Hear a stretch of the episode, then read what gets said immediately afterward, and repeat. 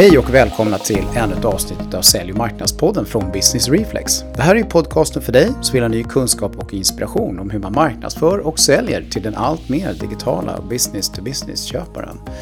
Hejsan Anders! Det är morgonpodd idag. Tja Lasse! Ja, vi har tagit vårt morgonfika, vi har pratat igenom hur vi ska lägga upp den här podden och det är fortfarande tidigt på dagen. Det brukar inte vara det, vi brukar vara lite senare på kvällen. Morgonradio. Mm. eh, härligt. Du, eh, så här är det. Att det här avsnittet eh, baseras på ett eh, webbinar som jag var med och gjorde i eh, början på december. Och eh, under det här webbinariet så pratade vi om att eh, marknads, eh, den moderna marknadsfunktionen är, man kan dela in dess utveckling i fem faser. Det var väldigt många som var intresserade av det där och tyckte det var ett spännande sätt att beskriva det hela på. Så då bestämde vi att vi skulle göra det här avsnittet. Vi gör en podd och vi gör ett white paper och lite sådana grejer. Nu försöker vi försöker vi dela med oss av det här bra konceptet på alla sätt vi kan komma på. Ja, men jag tror jag förstår också varför det är populärt. För det blir ganska handgripligt för, eh, för företag att förstå lite. För man lättare också kan klassa in sig. Så här, var är vi någonstans på den här utvecklingsresan? Eh, så att eh, det man kommer få här det är helt enkelt en förståelse för definitionen av de här fem faserna. Så man kan klassificera in sig själv. Och sen så kommer vi naturligtvis leverera lite tips på och även värden som de här olika faserna skapar. Och det är väl där man kommer in på frågan varför ska man överhuvudtaget bry sig om det här? Just det.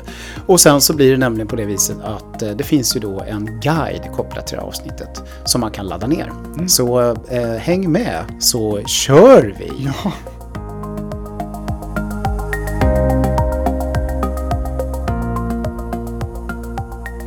Ja, innan vi kommer in på de här fem faserna då eh, så är det ju uppenbarligen så att eh, marknadsföringen här håller på att gå in i en eh, fullständigt ny era.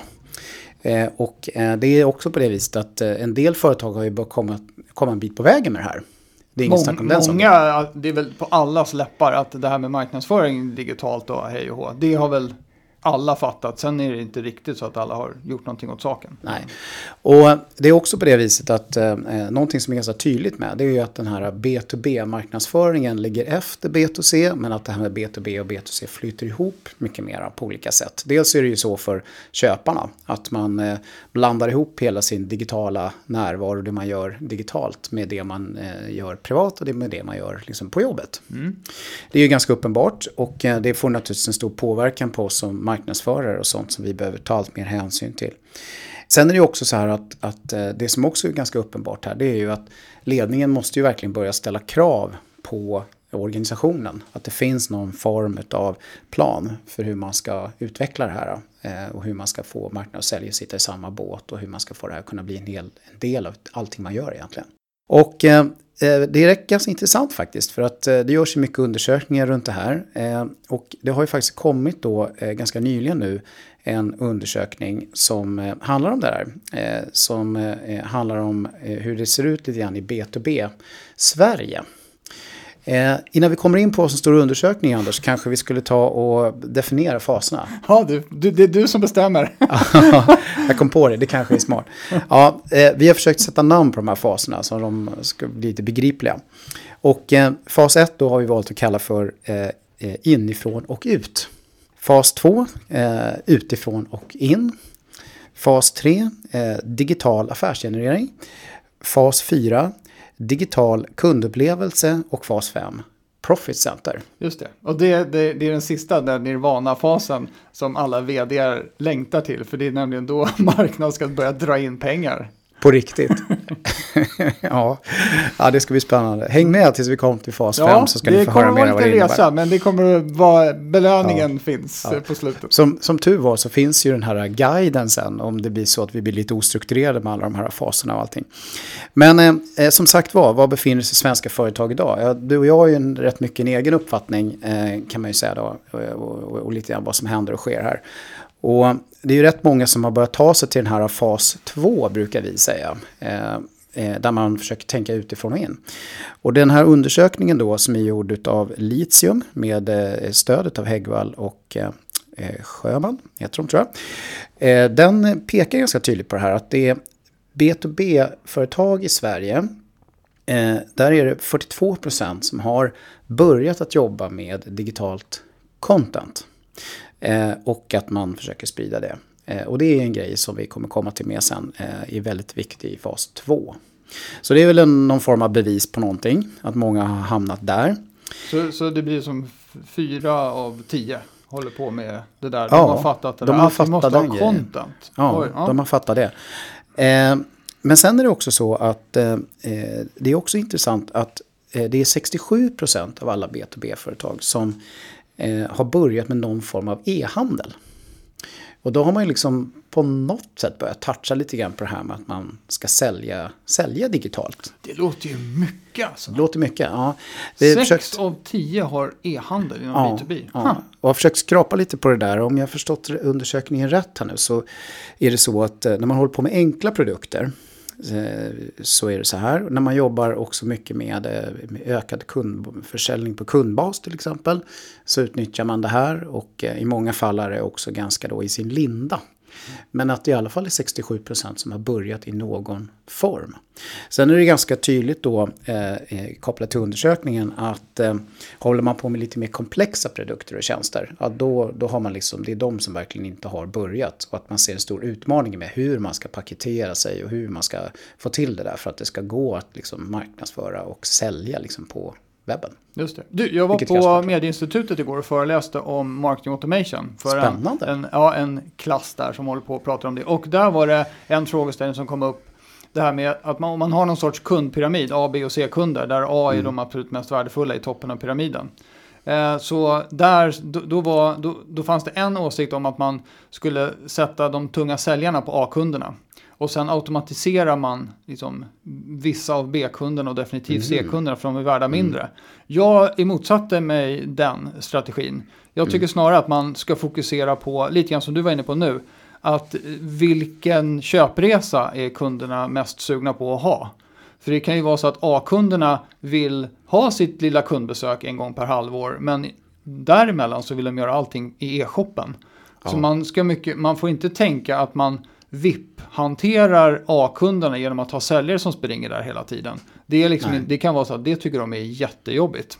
Eh, Så ja, det var i alla fall en liten så här tänk utifrån köpresan när du, när du ska etablera din e-handel och så. Just det, ja, jag håller med dig helt och fullt där. Och eh, eh, det som då är ganska solklart här också då, det är att, att eh, eh, det är ungefär 40% av de här företagen som har börjat mappa någon form av köpresa. Man har börjat försöka dokumentera och förstå lite hur den här köpresan ser ut. Eh, eller köpresorna, vilket det oftast handlar om i verkligheten. Ehm, eh, och det är ju bra.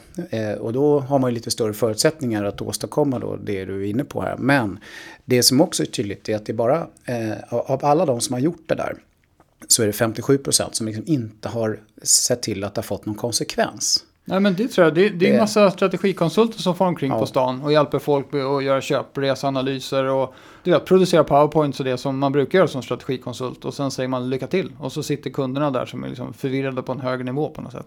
Mm, precis, så, så det ligger lite grann som underlag kopplat till var 17 befinner sig folk någonstans. Så att, eh, när vi har gått igenom faserna så tror jag det blir lite lättare för att förstå. Men någonstans är man, eh, är man i fas 2. Eh, eller så har man kanske börjat tassa lite på det som ska göras i fas 3. Men det är väldigt få som har liksom, är i fas 3. Och nästan ingen tror jag som är i fas 4. Väldigt få i alla fall. Ja. Svenska företag. Så att eh, där är vi. Bra, ska vi köra igång med faserna då? Ja.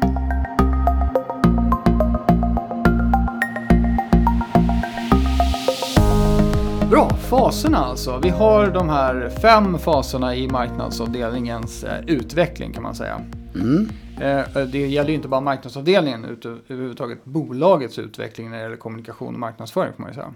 Och eh, den första fasen som man då ska kravla sig upp till på den vänster det är ju att man överhuvudtaget genomför någon form av marknadsföring och där man pratar om sig själv. Man har gjort sina USP-analyser och tänkt att gud vad bra, vi är de enda som kan göra det här bakvänt i färg.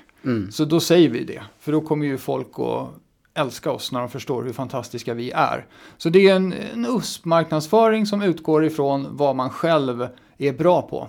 Då är man ju, och så gör man ju det där på något vänster. Det kanske är att man har en, en monter på den årliga mässan i Tyskland, eller att man skickar ut sin stora katalog, eh, eller att man gör vissa digitala grejer och så. Men det, grejen är att man, man tänker på sina egna styrkor och så trycker man ut dem. Det är väl fas ett. Ja, och här har vi faktiskt en väldigt intressant diskussion. Vi kanske kan få lite feedback på den här diskussionen också. Jag är lite grann inne på att Att eh, eh, i fas 1 så bör man liksom ha börjat tänka inte bara på vad vi gör utan även varför vi gör det.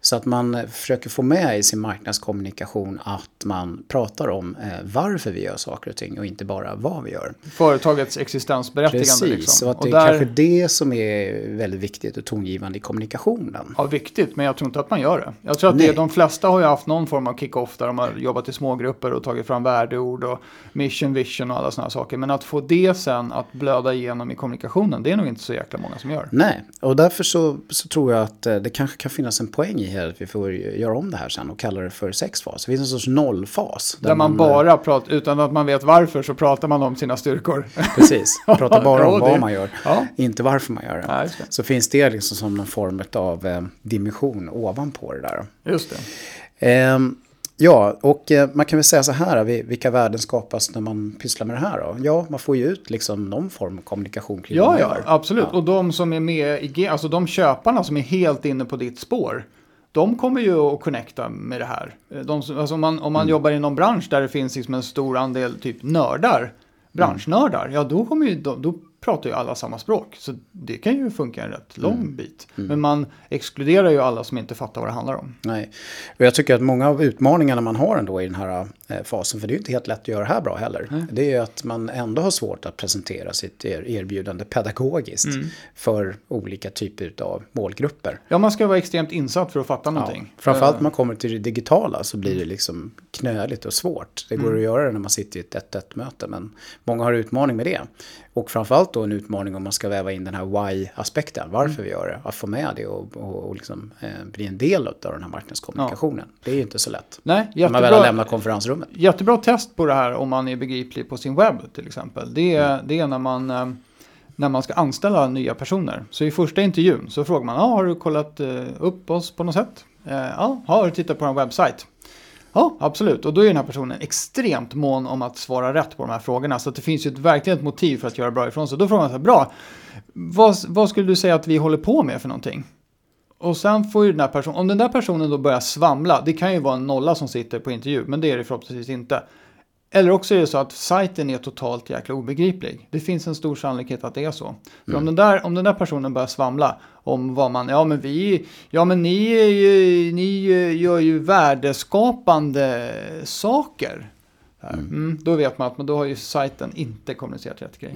Nej, precis. Och ofta kommunicerar vi också alldeles för mycket. Ja, det är opedagogiskt och alldeles för mycket. Ja. Det är en stor del av utmaningen och problemet där. Yes. Ja, ska vi hoppa raskt vidare till fas 2? Ja, vi tar dem i ordning, eller ja, vi gör det. Det, känns ja. jävla, det känns lite old school, men samtidigt ja. bra pedagogiskt. Nu, nu blir det lite, lite mer avancerat här. Ja. Fas 2, utifrån och infasen. Och det som ju verkligen kännetecknar den här fasen då, det är ju att man har kommit igång och börjat skapa content och eh, digitalt content eh, och man publicerar det. Eh, men väldigt ofta oregelbundet. Ja, det är ingen maskin direkt utan Nej. det händer lite då och då. Och det här digitala contentet då försöker ta utgångspunkten då i köparens vardag. Mm. Utifrån köparens agenda istället för liksom de här usparna och, och oss själva. Exakt. Så är det. Men en annan grej som jag tycker är väldigt kännetecknande här, och se vad du håller med om, det är det här att det är marknadsavdelningen som sitter där och tar fram det här digitala innehållet mm. utifrån liksom bästa förmåga. Just det, marknadsavdelningen har lyssnat på lite schyssta poddar och de har varit på konferenser och där har folk stått och talat om för dem hur det ska gå till. Så de känner att de har fattat grejen. Så de börjar nu frusta på här och, och uh, köra content-racet. Men det är inte någon annan Nej. direkt som bryr sig. Uh, lite så. Nej. Nej, ja, de har det ganska jobbigt. Ja, det är uppförsbacke, men uh, häng in där. Ja. det blir bättre sen. Eh, det intressanta dock, det är ju att uh, det här skapar ju faktiskt en hel del uh, intressanta värden i sig. Det blir ju faktiskt betydligt lättare att hitta det här företaget om man har den här typen av digitalt innehåll. Det blir ju faktiskt så att man påverkar ju köparna betydligt tidigare, tidigare mm. i en köpprocess. Det. Innan det blir dags att välja leverantör. Ja. Och här sprang på en annan undersökning här nyligen som visar på att om man har varit med i liksom medvetandet hos den här eh, kopplat till den här leverantören långt innan man har planer på att köpa det leverantören säljer så ökar man ju liksom sannolikheten att bli vald. Med, det var över 50 procent i alla fall, jag kommer inte ihåg den exakta siffran. Men det är slående eh, stor påverkan att man har funnits med i medvetandet under en längre period innan ja. det blir dags att köpa något. Det känns ju lite tryggt då, förtroendeskapande ja. grejer som man har gjort tidigt.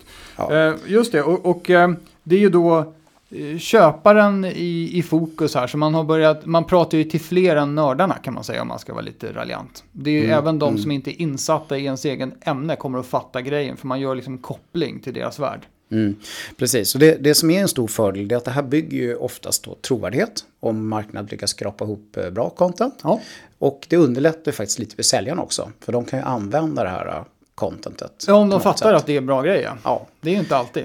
Så att eh, det finns en hel del intressanta värden som skapas redan här. Eh, som för saker och ting framåt eh, jämfört med fas 1. Så att eh, eh, därmed så tänker jag att då vi ger oss in i fas 3. Oh, jag var lite spänd på vilken fas som skulle komma, men det är 3. Ta fas 4. Nej, han tar fas 3. Och fas 3 då, som vi har kallat för digital affärsgenerering. Ja, här händer det grejer kan jag säga. Vad är det som händer? Kom ja, det är, det är mycket som händer. Vi, vi säger så här, de, de bygger på varandra de här faserna. Mm. Så att man gör mer saker bara. Man... Mm. Och det man ska säga också då, för definitionsmässigt här, för att man ska få hävda att man är i en fas så måste man göra liksom All... alla grejerna som ingår i fasen. Just det, kryss så, i alla rutor. Så nu gäller det, fram med pennan. Ja. Nu, nu är det dags att kryssa. Börja kryssa. Ja. Men i, i, fas, i fas 3 så finns det en hel del saker som måste hända. Så man fokuserar fortfarande på att generera nya kunder. Det är leadsgenerering och nykundsbearbetning ja, som är grejen. Ja.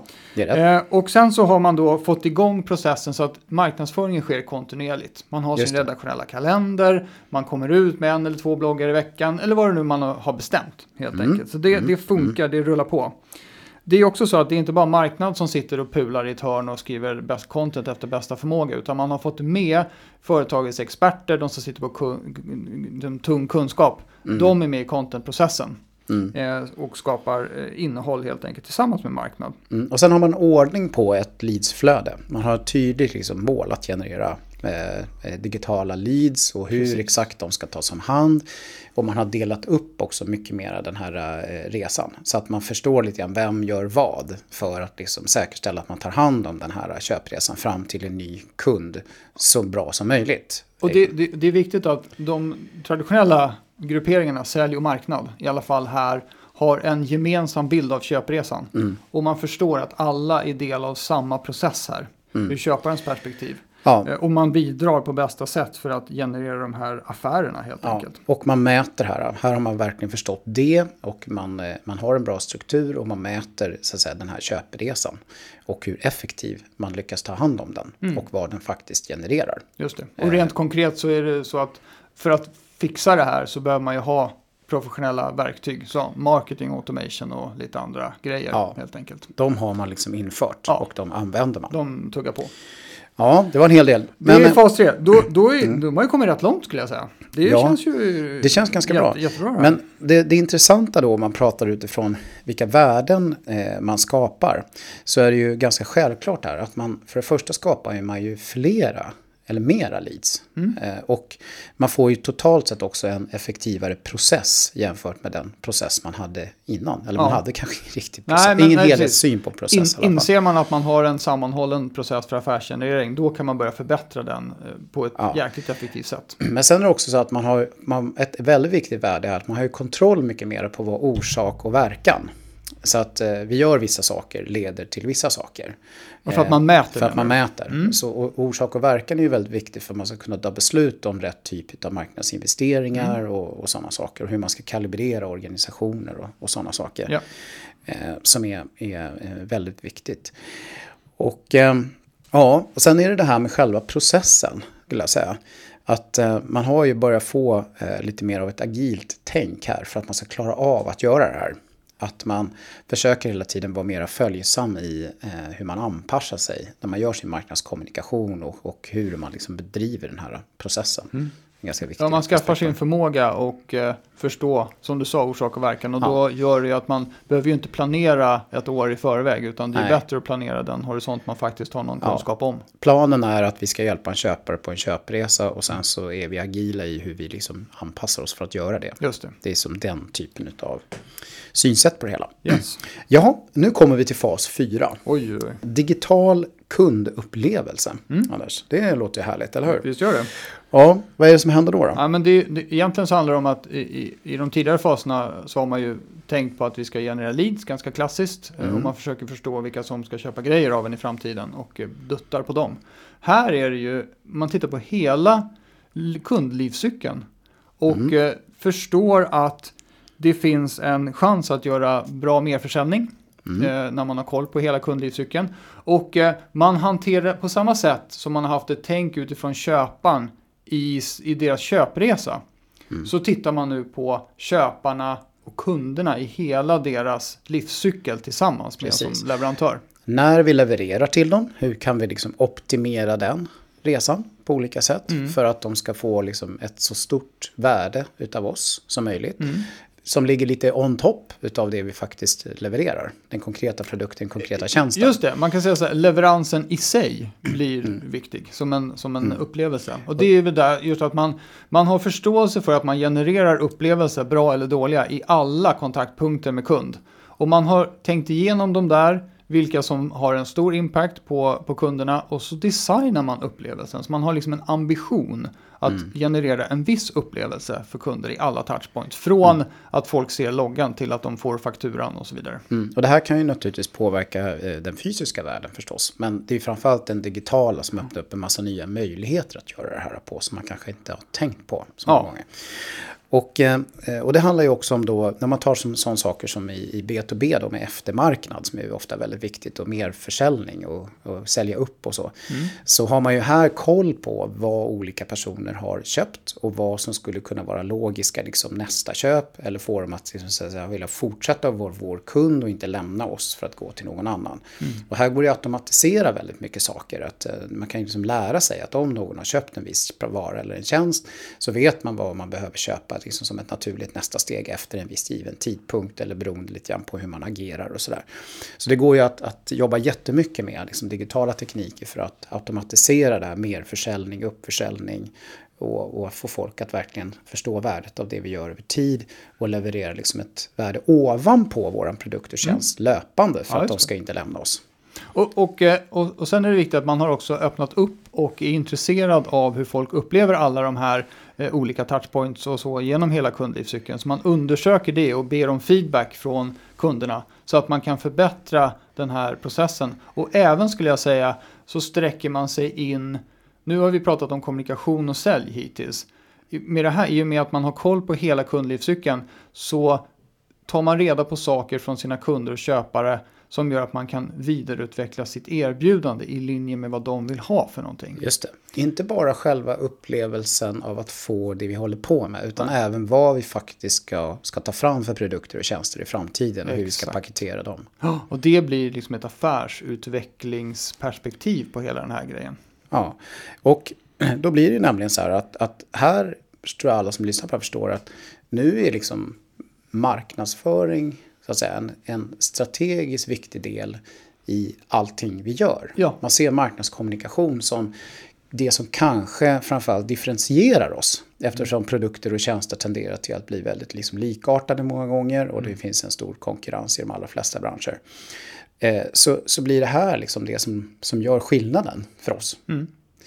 Så att eh, det är en väldigt viktig eh, aspekt. Och det finns ju otroligt många intressanta värden som skapas här. Eh, tror jag alla förstår. Det, det är liksom effektivare merförsäljning, man tappar mindre churn rate, man tappar färre kunder. Och, eh, och eh, kunderna kan vara med och bidra också till att vi får in nya kunder på ett effektivare och lättare sätt. Eh, genom att eh, informera andra om hur underbart och härligt det här är med hjälp av digitala tekniker och, och sådana saker. Så att eh, det finns väldigt mycket spännande, spännande värden. Strategiskt spännande värden. Ja, ja, verkligen. Här blir det som du säger, det, det, det, det blir en del av allting. Och eh, där är det egentligen upp till ja, företaget i sig och ledningen i sig hur man ska egentligen utnyttja den här fantastiska nya möjligheten med en kundtransparens och en dialog på ett betydligt djupare plan man har haft förut när man så att säga levererar sin mm. låda så är man klar.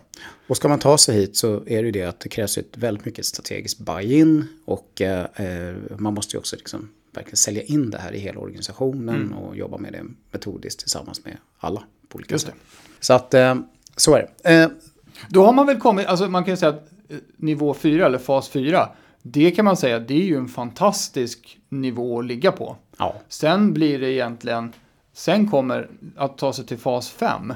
Det är ju verkligen ett synnerligen strategiskt beslut för företaget. Mm. Om man vill göra det eller inte. Mm. Jag tycker så här, det känns ganska, för mig känns det ganska självklart att man borde ha en ambition att komma till fyra oavsett. Ja. Eller hur? Ja, så är det. det Sen fem är optional. Fast det är ganska nice. är lite optional. Ja, det är very nice, men det är optional.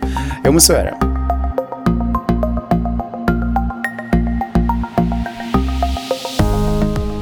Du, fas 5. Det här är inte så många som pratar om den här fas 5. Men den börjar bli mer och mer uppenbar att den eh, börjar uppstå och kan vara en väldigt strategiskt intressant möjlighet. Ja, den, den, alltså den har ju blivit möjlig tack vare digitaliseringen och ja, faktiskt att hela mediebranschen har tankat. det är ingen som vill köpa media på samma sätt. Så man kan liksom bli sin egen mediekanal. För det tycker jag, det finns någon sorts centralt i det här med fas 5. Ja. Att, man, att man är sin egen kanal. Det finns ja. möjlighet att bli det. Ja. Och det den här fas 5 går ut på då, det, det, vi har ju namngett den till eh, Profit Center. Mm. Det finns ju andra som har gjort också. Men, men det betyder nämligen att marknadsfunktion eller marknad har två syften. Det ena syftet är det som vi precis har pratat om i fas 4. Eh, men eh, att marknadsföra företagets produkter och tjänster och öka den här upplevelsen och alltihopa det här. Men i fas 5 där har man också då ambitionen att, att generera egna intäkter. Helt enkelt. Mm. Och eh, då blir det per definition liksom två syften. Och det behöver inte betyda att marknadsfunktionen är, är, liksom, kan stå helt på egna ben och tjäna sina egna pengar och vara lönsam. Men den har liksom ett syfte att tjäna pengar. Mm. Då, då tror jag många kanske funderar sig lite grann på då, eh, vad är det man kan tjäna pengar på? Ja. Vi kan ta några exempel då. Eh, det ena är ju då att, att eh, eh, vi, har prat, vi skapar så otroligt mycket bra värdefullt digitalt innehåll. Att vi kan börja ta betalt för delar av det. det. Eh, så att man kan helt enkelt få prenumerera och betala. Eh, som en, man är van historiskt att betala för att prenumerera på en, på en tidning eller någonting sånt. Ja. så kan det vara. Men sen kan det ju också vara så att, att andra kan vara intresserade av vårt digitala innehåll. Som ja, kanske vill... Ja. Vi, vi, har ju pratat om i en tidigare podd om det här med följare. Mm. Här blir det ju så att man, man eh, kommunicerar och attraherar betydligt fler än de som kanske är ens målgrupp rent försäljningsmässigt. Mm. Man får liksom värsta följarskaran eh, som är intresserad av samma sak som man själv, kanske har samma why som man själv. Mm. Eh, och eh, det gör ju att man blir en intressant kanal som andra kanske vill dyka upp i. Så då är vi liksom inne på så här reklamfinansiering. Just det, precis. För det, det händer ju ganska lätt eh, faktiskt i den här situationen. Att andra vill så att säga synas mot våra följare. Mm. Och är beredda att betala för att liksom, få vara med själva och producera content. Ja. Eh, som levereras till våra eh, följare. Eh, det som också är vanligt här är att man gör värdeskapande event. Som man tar betalt för. Där man helt enkelt eh, paketerar innehållet i en fysisk form, men oftast blandar digitalt och fysiskt. Och så sen så, eh, ja, så vill människor komma till det här för att det är väldigt intressant värdeskapande och så kan man ta rätt bra betalt. Absolut, och det, det finns ju um, kan säga, två sätt att ta betalt för det där. Man kanske mixar båda. Dels en ganska traditionell grej, det är att man bjuder in ja, sina partners så får de vara med och sponsra den årliga mässan. Men ska man göra det för real tycker jag, då ska man kunna ta betalt av deltagarna. För då har man på något sätt bevisat att det är, det är innehållet i sig som är så pass attraktivt. Att man eh, kan ta dit folk mot betalning. Mm. Åhörare. Så. Och då kan man ju fråga sig då lite, hur lyckas man med att ta sig till fas 5? Jag tror att har man väl lyckats ta sig till fas 4 då börjar det bli ganska uppenbart att det inte är så svårt att ta sig till fas 5. Man verkligen gör det bra liksom, i, i fas 3 eller fas 4. Ja, man blir väldigt kunnig om köparna mm. och det här området. På, förut, alltså varje bolag kan ju mycket om sig själv. Mm. det är liksom nästan omöjligt att inte förstå sig själv, tänker mm. jag. Men, men eh, nu förstår man ju även det som finns runt omkring. Och då mm. kan man ju bli väldigt intressant relevant mm. för det runt omkring. Och det som ofta kommer kunna hända där det är att andra tar kontakt med en och har idéer om hur de är villiga att betala mm. för att vara med dig på Absolut. olika sätt. Som folk som frågar om de kan vara med och sponsra en podd till exempel som ja. vi har. ja, och det som också börjar hända, eh, lite mer vanligt förekommande, det är att, att eh, istället för att man, man tar sig till fas 5 själv så, mm. så förvärvar man eh, ett mediaföretag till exempel som redan... Går på knäna. Eh, går på knäna, ja precis. Man köper ett mediaföretag som går på knäna och eh, det, då blir det liksom eh, automatiskt ett sätt att kliva in i det här. Att faktiskt tjäna pengar på det. Ja. Och att man då får två syften.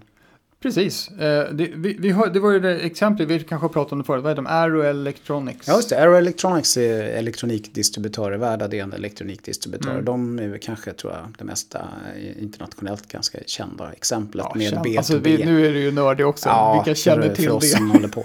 Men Arrow Electronics är i alla fall en av världsledarna inom det här med elektronikdistribution. Om de inte till och med är den allra största, tror jag. Eh, och de har ju då förvärvat eh, väldigt många olika typer av elektroniktidningar. Mm mediahus helt enkelt. De tänkte så här, gud vi placerar annonser i alla de här tidningarna och vi är typ halva deras omsättning i alla fall. Vi köper dem så får vi nog lite bättre pris på annonserna. Precis, och det, så är det. Som också är spännande här, de tänker ju så att de här ingenjörerna som läser de här tidningarna, det är ju liksom våra mm. köpare. Om de här tidningarna ska gå omkull och försvinna och mm. sluta mm. liksom, producera värdeskapande innehåll till dem, då kommer ju de troligtvis i slutändan att köpa mindre elektronikkomponenter.